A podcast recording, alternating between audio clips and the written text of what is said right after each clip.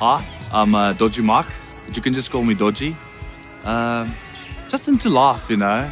I, I do a bit of everything: flower deliveries, catering, put down pets, uh, insurance, law. I'm trying to move into politics now. Wanneer jy iets nodig het om jou hart 'n bietjie beter te laat voel of van oor tot oor wil glimlag, mag 'n snaakse fliek dalk die trek doen. Maar as ek nou 100% eerlik is, kan niks vergelyk word met 'n wonderlike TV-komedie reeks nie. My naam is Molly Visagie en ek is 'n alkoholist. In hierdie episode van Cassie Keiers val die soeklig op komedie vir die klein skerm. Akteurs en regisseurs Liz Meyering en Benny Fourie kom maak 'n draai en die twee verklap meer oor wat werk, hoe dit werk en hoekom komedie as 'n genre so moeilik is om reg te kry vir Afrikaanse kore. TV-komedie is die emosionele ekwivalent van trooskos. 'n Strelende fees vir jou oë wat jou by op enige tyd kan lig. Rikkie is blerry oulik. Ek dink ek's ook nogal oulik en ek dink ons kan regtig oulik wees. Benny baie mense sal meen dat TV-komedie regtig 'n baie moeilike ding is. Tog blyk dit asof dit regtig maklik vir jou kom. Hoekom is TV-komedie so hit om is? Uh komedie kom regtig eerlik waar kom dit bietjie makliker vir my as ehm um, ek dink is drama. Uh, ek weet nie hoekom nie. Ek dink dit is net die manier hoe ek groot gemaak is. Ehm um, met die tipe van uh mense rondom wie ek was en die aandag wat ek gesoek het. Ehm um, maar ja, komedie is baie keer hier te mis. Ek dink dit is nogal moeilik want baie keer is is die ehm um, die gehoor is baie subjektief. So waar drama is meer daar's 'n blanket wat almal sal verstaan en almal sal bietjie emosioneel maak is daar sekere verskillende goeters waarvoor mense lag en nie lag nie. Ons het 'n baie verskillende en baie audience um net in ons eie taal met betrekking tot ouderdom, met soos ja, dis dis dis wel klas snaaks net om te sien hoe waarvoor ouer mense lag en en jonger mense lag. Jonger mense love 'n stukkie ding met hulle oor see sien die ouer mense soek presies wat hulle nog altyd het. En terwyl jy jou komedie tande geslyp het, wat was van jou gunsteling TV-komedies? Uh baie baie lief gewees vir Vetkoek Paleis toe dit uitgekom het. Dis soos al die eerste Afrikaanse ding wat ek kon onthou. En ek was net gefassineerd deur dit en soos dat hulle gaan. Daar's net elke keer nog episode wat snaaks is, nog episode wat snaaks is. Ehm um, dat hulle in so klein wêreltjie so baie kon kon doen was vir my ongelooflik. Ek sit met 'n ernstige familiekrisis. En ek moet worry oor ander customers. Poppy gaan hiervan hoor. Daar is 'n groot verantwoordelikheid dink ek vir vir enige skrywer in Suid-Afrika. En daarmee sê ek om hemelsnaam nie, ons is die sosiale werkers nie. Ons is nie. Ons is nie die sosiale werkers nie, ons is nie die predikers nie. Ons is nie daar om mense op te voed en te sê jy moet dit doen of wees bewus van vigs of COVID of wat dit ook al sou wees in watter omstandighede en watter tyd ook al nie.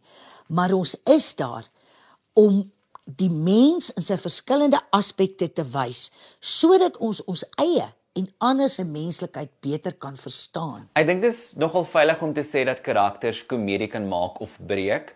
Hoe skryf 'n mens die perfekte komiese karakter? Ja, dit is moeilik. Ehm um, ek is ek's 'n groot aanhanger van karakters wat naby aan mense is wat ons ken. So uh jy dit is amper asof hulle is bietjie heightened en so voort. Ek is sukkel met 'n karakter wat wat way the way out is en ek soos ek glo dit nie. Daar's een of twee mense wat jy wat, wat jy kan regkry in 'n ensemble cast, maar andersins moet dit mense wees wat jy kan gaan. Hierdie is mense. En want dan kan ek hulle situasies glo en dan kan ek assosieer. En sodra ek kan assosieer, dan dan kan jy begin speel met komedie. So ek dink ehm um, skep 'n mens uh en sit hom in vreemde omstandighede. Dis hoekom dit situational comedy is, sitcoms is. Dit is sit hulle net in 'n situasie. En veral mense wat regtig lekker gaan konflik hê. Dit eintlik dis eintlik meer oor saam met wie sit jy mekaar as dit net die een persoon wat jy net vertrek. Ek moerie gewoonlik aan as ek dronk is, ek sê vir jou uitsonder normaal. Okay. Ag, Thomas. Okay. Hm? Hm? As daardie karakter of karakters geloofwaardig is, dan kan mense vir hulle lag. Maar eintlik lag hulle ook saam met hulle gesin, want hulle sê, "Ooh, daai Molly is net soos so en so." Of daai skoonma is net so so en so of ou boet of wors of wie die wat die karakter ook al is dit is herkenbaar. En die ander ding wat iemand soos Willie byvoorbeeld baie slim doen is net soos wat mense gewoonweg gesegdes het. Goed wat hulle oor en oor sê.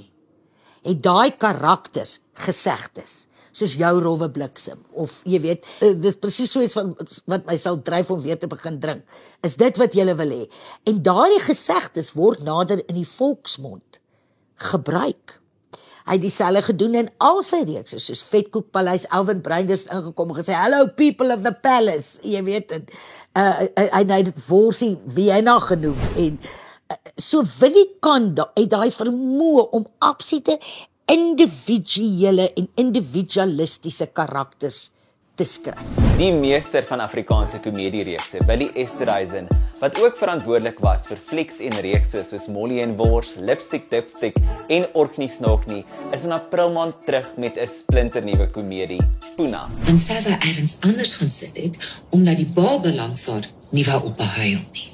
Ek kan dit verstaan. Dis sê die ligwordin vir mevrou, ons sal dit normaalweg doen, maar nie nou nie, want die baba is dan jou eie. In 2007 het ons die eerste keer vir Puna Pieterse ontmoet in die nou ikoniese fliek Puna is koning. In 2020 was hy weer op ons skerms in die TV-fliek Puna en in 2021 in die TV-fliek Puna en Puni. Weens die groot sukses van hierdie TV-fliek, is daar besluit om vir Puna sy eie reeks van 13 episode te gee. Puna word vanaf Maandag 4 April om 8uur op Kyknet DStv kanaal 144 uitgesaai.